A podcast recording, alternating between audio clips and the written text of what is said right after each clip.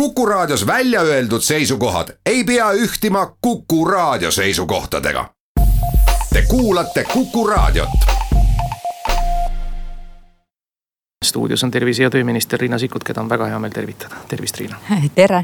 ega kokku leppides seda intervjuud juba enam kui nädal tagasi ei, enam ei olnud nädala alguses kindel, kas saab teid saatesse kutsuda tervise- ja tööministrina üldse tahaks teie tööst ja tegemistest küll rääkida, seda enam, et sel nädalal oli siis riiklikult tähtsa küsimusena mm, suures parlamendisaalis, kuidas lühendada ravijärjekorda, me sellest kindlasti räägime. aga me ei saa üle ega ümber küsimusest siis, mis puudutab valitsuse hingeelu.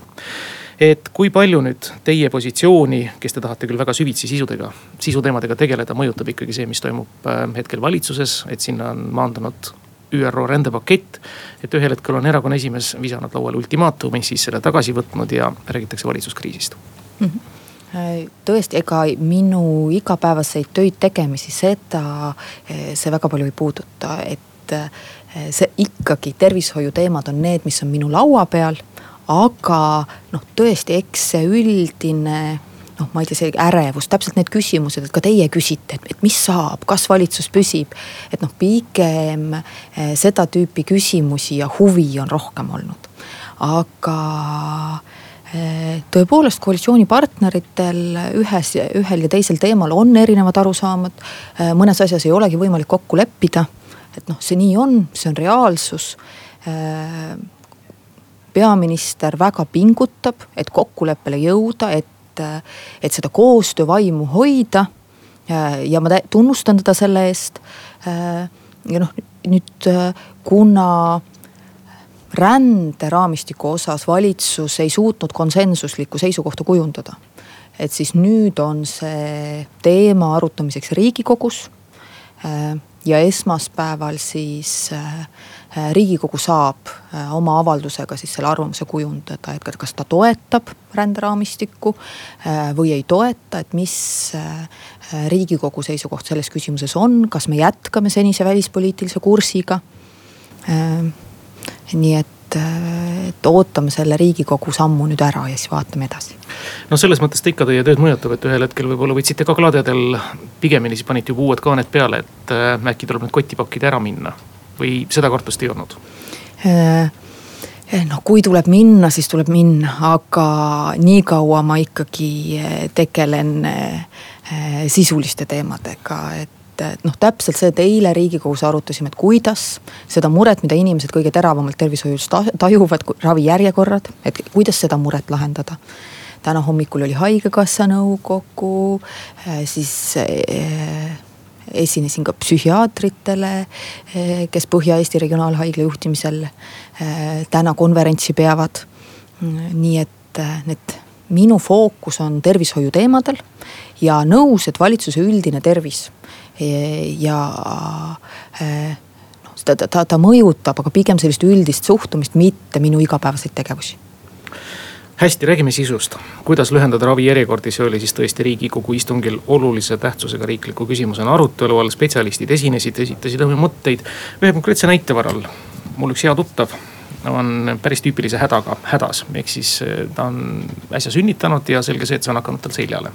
ja on selge, seljahädad on sellised, mis mõjuvad ühel hetkel ka kõndimisele, liikumisvõimele. ta sai eriarstile ehk siis närviarstile aja noh umbes kolme kuu pärast. aga kui ta enam ei saanud, ta kartis väga EMO-sse minna, sest et eh, EMO riiklik audit oli just sel hetkel ilmunud ja kartis, et saab jubedalt sõimata, sai ka. aga siis ta sai hoopis kiirema suunamise eriarsti juurde, selline tüüpiline näide, kus siis inimesed eriarsti juures ei jõua ära oodata oma järjekorda, lähevad EMO-sse ja saavad siis nii-öelda kiirkorras kusagile vahele minna, sest et see on juba eluline oluliselt. ja elu toimimiseks äh, väga kehv lugu. mis see esimene retsept on, doktor Karmen Joller on öelnud, et äh, esmatasandi meditsiini aitaks väga heale järjele see, kui tuua parim tugipersonal, luua parem tarkvara. Need on tema kaks ideed, täiesti mõistlikud ja see on jällegi see asi, mille kohta me ütleme, et me teame, aga mm. -hmm minu esimene küsimus oleks teile, et kas teie tuttav, kas ta oma perearstile murest rääkis? et. Perearst andis talle saatekirja ja siis ja. ta saigi kolme kuu pärast mm. -hmm. sest noh, kõik see, mis, mis puudutab mitte selliseid ägedaid terviseseisundeid. perearst ja pereõde on need, kes esimese hooga aitavad. on see siis valu leevendamise küsimus, võimlemisharjutused seljal, et äh, esmatasand, perearstid, pereõed on meie tervishoiu alus, tugisammas. see suund mis peremeditsiini arendamisele võeti, on olnud õige. ja tõesti väga hästi doktor Karmen Joller eile ka riigikogu ees rääkis, et, et noh, et kuidas edasi minna. noh, kuidas seda perearstide, õdede rolli kasvatada ja kuidas neid oma töös toetada ja seal tõesti tugipersonal, see, et oleks rohkem eh, pereõdesid, kes on meil väga pädevad, kes saavad teha iseseisvat vastuvõttu, kes jälgivad krooniliste, krooniliste haigustega inimest, nende eh, toetavad eh, seda haigusega toimetulekut, saavad väljastada korduvretsepte. et see õdede roll on kasvanud ja tõepoolest neid on ka rohkem vaja. Mm, ja siis on küsimus selles, et kui tervisekeskuses äh, töötab koos mitu perearsti maas, maapiirkondades vähemalt kolm, linnas vähemalt kuus, mõnes isegi kakskümmend kuus et siis, kas nende tööd võiks toetada ka mõni võib-olla eriõde. Õde, kes ongi diabeediõde, astmaatikutele spetsialiseerunud õde, vaimse tervise õde. et, et anda siis võimalikult kvaliteetset, head abi Äh, krooniliste haigustega inimestele juba esmatasandil. ja siis teine, see, mis puudutab IT-lahendusi. tõepoolest meil praegu, meil sellised baaslahendused on olemas, info põhimõtteliselt liigub. nüüd seda infot ja andmeid me peaksime palju paremini ära kasutama ja need süsteemid tegema targemaks. me tegelikult teame, mida on vaja teha. perearstide otsustustugi on väljatöötamisel, et see need andmed, mida me oleme viimaste aastate jooksul ka digitaalselt inimeste kohta kogunud, et nad saaksid perearsti raviotsuste tegemisel aidata. perearst ei pea otsima, ei pea dokumentides kaevama, ei pea sellele väärtuslikku vastuvõtu aega kulutama. vaid kui meil see teadmine andmetes on olemas, siis algoritmid on need, mis saavad anda soovitusi, saavad anda teavitusi, meeldetuletusi perearsti töölauale. aga see peab olema mugav see peab olema otsustamiseks äh, väärtuslik info perearsti jaoks, sinnapoole me liigume kuidas nende perearstide nimekirjadega, ka nendel on patsientuuri väga-väga palju ja enamik perearste on hinnangu andnud, et nemad tahaksid hoopis olulise kompaktsema nimistuga hakkama saada, siis oleks neil ka jõudlust mm. -hmm. On meil, see mõeldav? Äh, meil tõepoolest ka Tallinnas, meil on perearste, kelle nimistus on vähem kui tuhat kakssada patsienti, on perearste, kelle nimistus on üle kahe tuhande kahesaja patsiendi ja mõlemad võivad kurta töökoormuse üle. ma saan aru perearstide murest ja tõesti suure nimistuga no ongi koormus suurem, ongi rohkem küsimus põhimõtteliselt see otsustuse koht on selles, et kas mm, me, me fikseerime selle nimistu, ütleme ja, ja, ja paneme perearsti väga paljusid asju tegema või on nimistu suurem.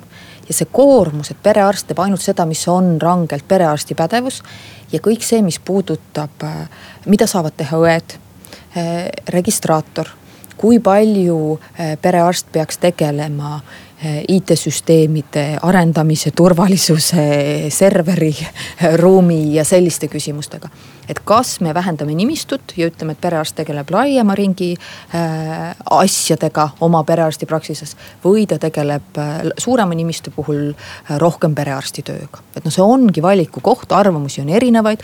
noh näiteks räägitakse palju, et haiguslehed, haiguslehtede väljastamine põhjustabki perearstidele suurt koormust. küsimus on selles, et kas seda saaksid teha õed, kas seda, kas esimesed näiteks kolm päeva, kui meil ka haiguslehti ei hüvitata kas siis on vaja haigusleht võtta, et kuidas seda, kui mure on haiguslehtede koormus, et kuidas siis leevendada seda töökoormust? Äh, ilma nimistu absoluutsuur, suurust kõigi jaoks äh, alla toomata see on küsimus ilmselt meile kõigile, millele tuleb vastata umbes märtsi paiku, sest et nende kolme kuu jooksul, mis jäänud on, me vist lahendusi ei leia. nii palju ma saaks äkki küsida veel hästi lühidalt. enne kui Bolton jõudisid peale tulevad, tulev aasta riigieelarve, mis oli ka siin natukene juba küsimärgi otsas, et kas võetakse vastu, mis on see suurem asi, mis on seal tervishoiule nüüd konkreetselt eraldatud, mille üle teil väga hea meel on? Mm, noh, tegelikult see suur otsus tervishoiu jaoks eh, tehti ära eelmisel aastal see, et eh, tervishoidu suunatakse lisaraha riigieelarveliste vahendite arvelt. see, mille abil on võimalik juba, juba sel aastal plaanilise ravi järjekordi lühendada erialadel, kus on suurem nõudlus, kus on suurem vajadus, suunata raha sinna järjekordade lühendamiseks. ja noh, tulles tagasi ka selle perearstide nimistu puhul, see koormus, see, kui me tahame, et perearst märkaks, hooliks, suhtleks rohkem, siis ongi selleks aega vaja. aga me saame seda nimistu suurust alla tuua järk-järguliselt. et noh, et, et arvestades seda, et perearsti abi oleks siis kõigi jaoks samal ajal tagatud. et kui sellist, sellist muutust ei saa teha järgmise aasta esimesest jaanuarist et noh, kuidas me siis äh, tagame selle, et kõigil oleks perearstid, et meil ei ole neid üleöö nii palju juurde võtta. asjad võtavad tervishoius aega meie oleme siin natuke kärmemad, meil on nüüd kätte jõudnud juba pooltunni uudiste aeg ja pärast kella poolt kolme on teretulnud siis juba head kuulajad helistama meie stuudionumbril. Te kuulate saadet. saate ja töösõidud märgib päevikusse logify.ee kolmkümmend neli minutit on kell üle kahe, Kuku raadio stuudios on tervise- ja tööminister Riina Sikkut ja nagu lubatud, pärast kella poolt kolme on ta valmis vastama ka heade kuulajate küsimustele. kui teil neid on, siis telefoninumber stuudios on kuus, kaks, üks, neli, kuus, neli, kuus. ja kui te meile helistate, siis piirduge küsimusega, eks kommentaare võtame millalgi muul ajal vastu. senimaani, kuni me siis esimest eh, helistajat ootame olgu öeldud, et täna vist peaks looma ka täiskuu, muide täiesti uus. siis eh, tahaks küsida võib-olla sellise krooniliste muredega, nagu seda on alkohoolikud ja suitsetajad ja, ja nende ravivõimaluste kohta. see nõuab pikaajalist ravi ja see on selline üsna projektipõhine senimaani olnud ja alkohoolikute ravi sõltub sellest, kui palju on nüüd haigekassal lepinguid käes. tavaliselt on seda väga väheseks ajaks ja siis on jälle jätud napsimehed nii-öelda omasoodu. et kas selles eas võiks olukord parem olla, sest et alkohol ikkagi purustab väga palju tervist. täiesti nõus ja viimastel aastatel sellele, et alkoholisõltuvust ravida, neid teenuste ringi laiendada, kättesaadavust parandada, selgelt on suund sinnapoole olnud. ja teiselt poolt see, et äh, sõltuvusest vabanemise nõustamisega saaksid tegeleda juba ka perearstid. on see siis tubakast loobumise nõustamine, alkoholimuredega inimestele sellise mm, nõu andmine ja vajadusel ravile suunamine see, see on mure, seda abi on inimestel vaja. ja noh, näiteks tubakast loobumise nõustamist, seda, see, see ei sõltu inimese kindlustusstaatusest, et seda saavad ka eh, kindlustamata inimesed. et ikkagi need, kellel on mure, kes soovivad sõltuvusest vabaneda, eh, neile tuleb seda abi pakkuda. meil on helistaja ja küsija, tervist. tere päevast. tere äh, ma sooviks küsida ühe küsimuse. olge hea. Eh, mul on selline probleem, et ma käisin gruppi pikendamas, mul on juba grupp kahe tuhande üheteistkümnendast aastast. ja nüüd käisin pikendamas töötukassas nagu mm. -hmm. nüüd läks üle töötukassale ja sealt täitsime ankeedi kõik ära, tipp-topp. ja öeldi, et teid võidakse kohale kutsuda. nii, ootasin, ootasin mitte midagi ja kuu aega läks selle vastusega nagu aega.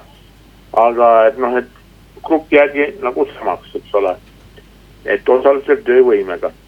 aga mind huvitab, et miks, miks nagu siis komisjoni ei kutsuta, et ma, ma tuleks hea meelega komisjoni ja näitaks ennast ette ära, noh, et kui võimeline ma tööd olen tegema, sest mul on üks arstlik ekspertiis nagu pandud, et, et ei tohi üldse nagu pingutada füüsilist koormust, ei massaaži, mitte midagi, igalt poolt saadetakse tagasi, eks ole, niimoodi aga miks ei kutsuta välja nagu komisjoni?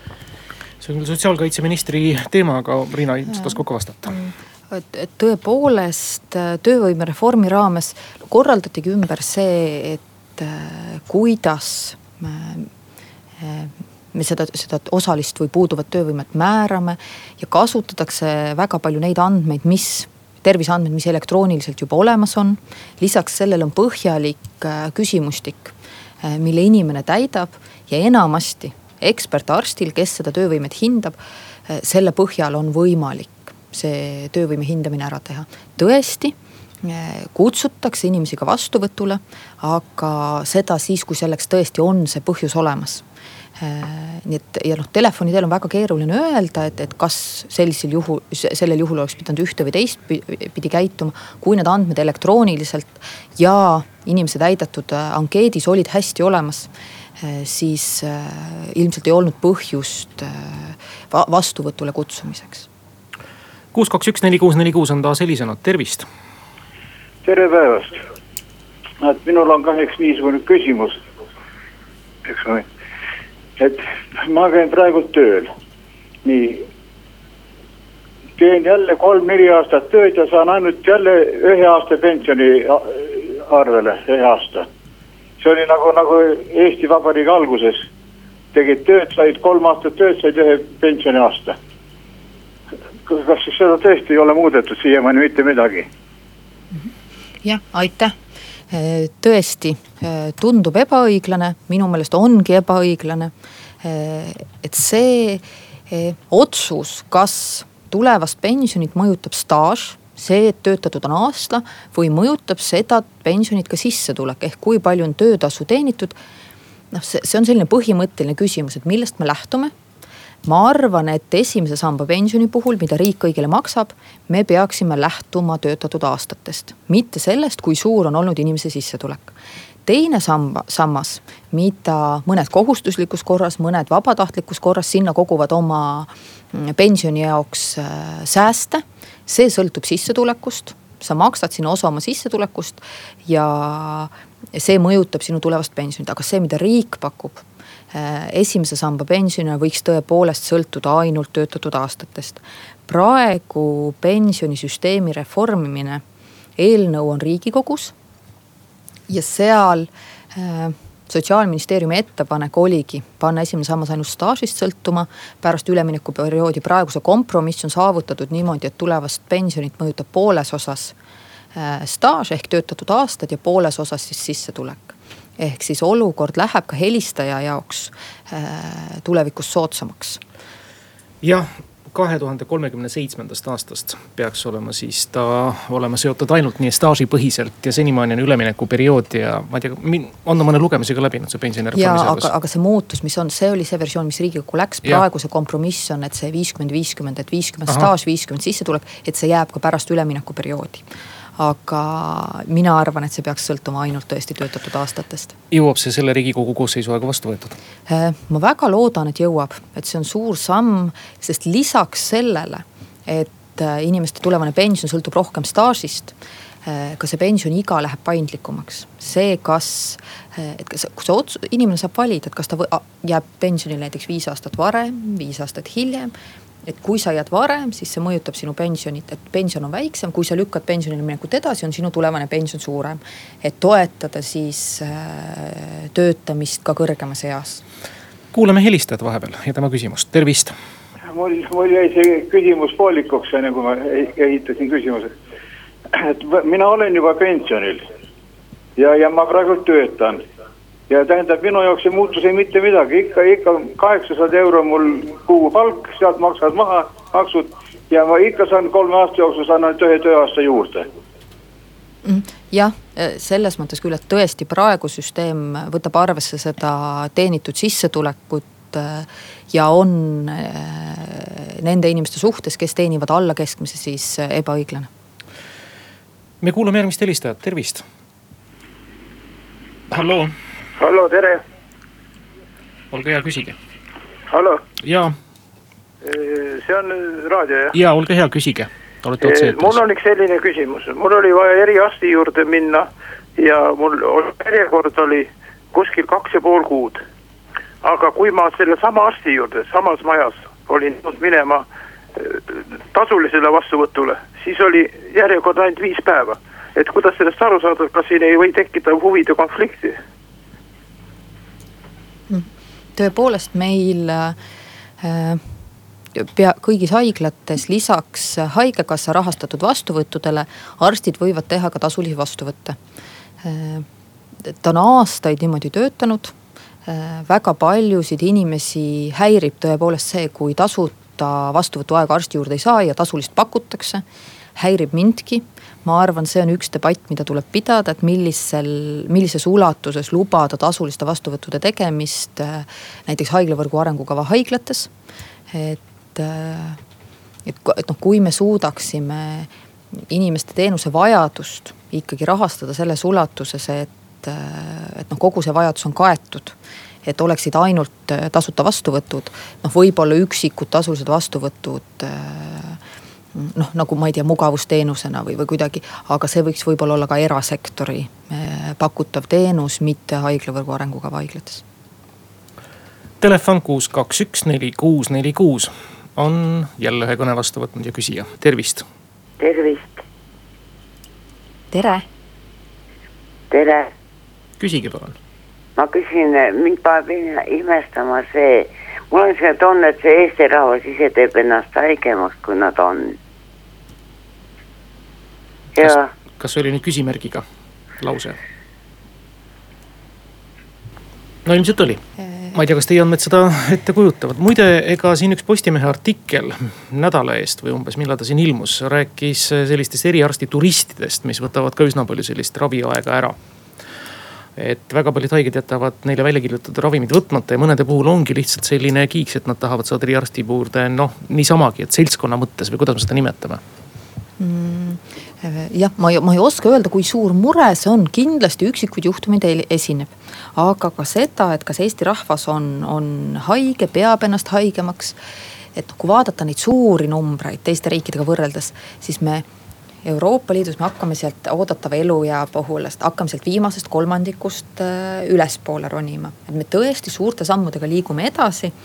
Aga kui vaadata kroonilisi tervisemuresid ja kui palju, kui kehvaks inimesed ise oma tervist peavad, et kui küsida neilt, et kas nad, nende igapäevategevus on tervise tõttu piiratud siis eestlased pea, või noh, Eesti inimesed peavad ennast haigemaks kui äh, paljudes teistes Euroopa Liidu riikides äh, nii et noh, selles mõttes küsijal väike ju, ju noh, idee on seal taga olemas. küsimus on selles, et kas, kas see tervis on tõesti nii kehv.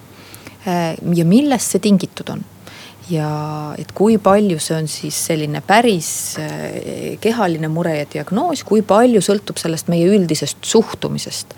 et et, kas meil, kas me liigume äh, piisavalt, kas me toitume hästi, kas me magame piisavalt, kas meil on peresuhted korras. kui me tunneme ennast üldiselt rahulolevana me saame ühiskonnaelus osaleda, panustada, noh, me tunneme, et meil, meil on mingi väärtus, meil on mingi roll. Siis üldiselt ka need hinnangud tervisele, toimetulekule, kõik on positiivsemad.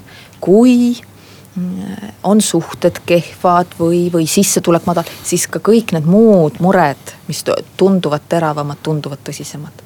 ja see on ka selge, et sügisel ja pimedamal ajal on kõik see lugu oluliselt kehvem. aga me kuulame vahepeal helistajat, tervist. et mul on üks niisugune probleem, kahekümnendal ma käisin Tartu silmakliinikus laseroperatsioonil doktor Parik ütles mulle peale seda, et mine nüüd alla registratuuri, pane uuesti vastuvõtule kirja ennast. Lähen registratuuri, seal öeldi, et märtsis-aprilliks on kõik kohad täis, meil ei ole kuskil panna, et helistage kunagi hiljem. mis ma nüüd tegema pean siis, võib-olla ma olen märtsikuus pime juba. Jah, et tõepoolest, kui korduv vastuvõtule patsiendi kutsutakse, et, et sageli arstil võib olla selleks eraldi vastuvõtuajad või midagi, et, et sageli korduvvastuvõtul on võimalik saada. ma ei oska nüüd öelda, et, et kas tõesti siis äh, ei ole ühtegi vastuvõtuaega või siis on inimese et arst hindas, et inimene võibki oodata, et ma ei oska öelda, et mis see silmade mure täpselt on, et võib-olla siis on võimalik sellega kauem oodata. aga äh, noh, küsige ka oma perearstilt järgi, et mida tema soovitab kuus, kaks, üks, neli, kuus, neli, kuus on taas helisõnad, tervist tere päevast. minul ka äh, vene, vene, venelasel üks äh, väga hea sõber mul, tal oli sada protsenti oli invaliidsus. nii, siis võeti kakskümmend protsenti maha, kaheksakümmend, siis seitsekümmend. ja, ja, ja, ja nüüd töötukassa kaudu võeti hoopis ära. ja võeti hoopis ära, pandi kolmkümmend protsenti, aga inimesel tervist ei ole. ta on ka kuskil niimoodi, ütleme siin alla kuuekümne natukene ja enne ja alguses oli sada protsenti inimene on, on, no on tõesti haige, aga vot ma tahaks selle kohta küll vastust saada. ma ei tea, kas ta nüüd apellatsiooni tegi, ta lubas sinna töötukassasse apellatsiooni teha, palun veel kord läbi vaadata see asi. palun vastake küsimusele, aitäh teile. tõesti nüüd selline töövõime hindamise puhul juhtub, et inimesed, kes varem said töövõimetuspensionit, kellel oli töövõime hinnatud puuduvaks. Eh, nüüd liiguvad siis osalise eh, töövõimetuse peale või mõnel töövõime puudumist ei määrata. kui inimene tunneb, et tõepoolest noh, ta, ta ei ole sellises mahus töövõimeline, nagu see töötukassa hinnang tuleb. et jah, on võimalik vaidlustada, on võimalik küsida täiendavaid küsimusi, et mis see põhjus on. et vahel võib-olla tõesti ei olnud haigusloos kõiki andmeid elektrooniliselt olemas. et või, või ei olnud siis inimese poolt täie, täidetud ankeedis piisavalt kirjeldatud noh, neid piiranguid, mida tervis tema igapäevaelu toimingutes põhjustab. et, et noh, kui on tõepoolest inimene, kes ei ole töövõimeline siis antud juhul äh, tõesti Töötukassa poole pöörduda, äh, küsida üle, miks see otsus selline tuli, äh, vaidlustada, aga mm, noh, tõesti see töövõime hindamine või, või töövõimetuse määramine, see, see on meditsiiniline otsus, neid teevad ekspertarstid. et noh, see, see on arsti otsus. kuus, kaks, üks, neli, kuus, neli, kuus on taas helisenud, tervist. tervist! Olge hea, küsige. Oh.. Oh, nii, siin oli selline natuke sõlmed sassi või ma ei tea, kas inimene eksis telefoniga. sedagi võib juhtuda. aga nüüd on loodetavasti helistaja liinile küsimusega, tervist. ja tere, mul on ikka üldisem plaanis küsimus, et eh, kuidas minister suhtub. nimelt, eh, eks see on natuke haridusministeeriumi asi ka, aga eks ta üldises plaanis ikkagi rahva tervisele mõjub nimelt äh, tüdruk, teise klassi tüdruk. ja tema ranits on sama raske kui ta ise. Tuleb koju, on täiesti väsinud, läheb kooli, on täiesti väsinud. et kas on teil mingi kokkulepe näiteks haridusministeeriumiga, kui raske võib see kott ikkagi olla väiksel lapsel? Äh, tänan küsimuse eest, et tegelikult see on paljude lapsevanemate, paljude koolilaste mure tõesti riiklikult on paika pandud äh, erinevas äh, siis kooli selles vanuseastmes, kui raske võib koolikott olla. aga näiteks kooliõpilased ise, kooli eh, õpilasühendused on käinud mõõtmisi tegemas, terviseamet on järelevalvet teinud. Äh, ja koolikotid on, enamasti on nad raskemad, kui norm ette näeb. nüüd küsimus on, et, et kuidas see, kui see on nii valdav, kuidas seda lahendada? et äh, kas igat õpikut peab alati koju tassima, kas on võimalik õpikud kooli jätta, kas selleks on olemas kapid, mõnel koolil on võimalik lub-, võimaldada topeltõpikuid. kas saab kasutada rohkem digitaalseid õppematerjale? et tõesti, lapsevanemad peaksid asjale ka tähelepanu juhtima ja kool omalt poolt tegelema ka sellega, et kasvõi tunniplaani kujundamisel arvestama seda, et kui selles klassis, näiteks teises klassis, ma ei tea, matemaatikaõpik või loodusõpetuse õpik on hästi raske, et siis äh, ei paneks seda ainet võib-olla igale päevale või, või arvestada seda õpikute raskust ja, ja mahtu tunniplaani kujundamisel. sest see, see mõjutab laste rühti, see mõjutab äh, ilmselt ka nende tuju, kui nad peavad seda rasket kotti kaasas vedama. ja seda määrust, millega koti raskust äh, paika pannakse, tegelikult seda me praegu uuendame selles mõttes, et äh, neid norme ei ole, ei ole plaanis tõsta, et lapsed, et, et viia nüüd see kooskõla tavaeluga ja et lapsed peaksid üle jõu käivat äh, kotti tassima. suund on pigem sinna, et, et kool tunneks vastutust ja, ja koostöös lapsevanematega saaks kokku leppida, et mis siis si-, lahendus võiks olla, et see võib olla ühes klassis ühtemoodi, teises teistmoodi või sõltuda laste vanusest et millal minna üle rohkem digitaalsetele õppematerjalidele. mil-, otsustada, et pinginaabrid, et ühest õpikust, kui on mitte üksikud pingid, aga nii nagu mina omal ajal, lapsed istusid kahekesi pingis. et pinginaabritel on kahe peale üks õpik, lapsed jagavad ära, kes, noh neid lahendusi on Äh, aga nii kool kui lapsevanemad peavad äh, kokku leppima, et mis see siis on, sest noh, sellist üle jõu käivat koormust äh, ei maksa laste selgadele panna kindlasti mitte, lastele vastupidi, ma loodan, et Tervise Arengu Instituut tuleb varsti välja ka uue kampaaniaga, mis puudutab lastele suunatud tervisekasvatust põhjalikumalt. sest et ma saan aru, et riigi pikemas arengustrateegias on ette nähtud uljad eesmärgid kasvatada meie keskmist vanust keskmiselt ka tervena elatud aastaid, see on üks suur eesmärk, mille te olete seadnud, seitse koma seitse aastat on päris uljas eesmärk, loodan, et see täitub. me ei jõua sellest kahjuks lähemalt kõneleda, aga usutavasti neid päevi ja saateid tuleb veel, kui te tulete meile külla, vastate ka kuulajate küsimustele, aitäh tänase eest, Riina mm. -hmm. aitäh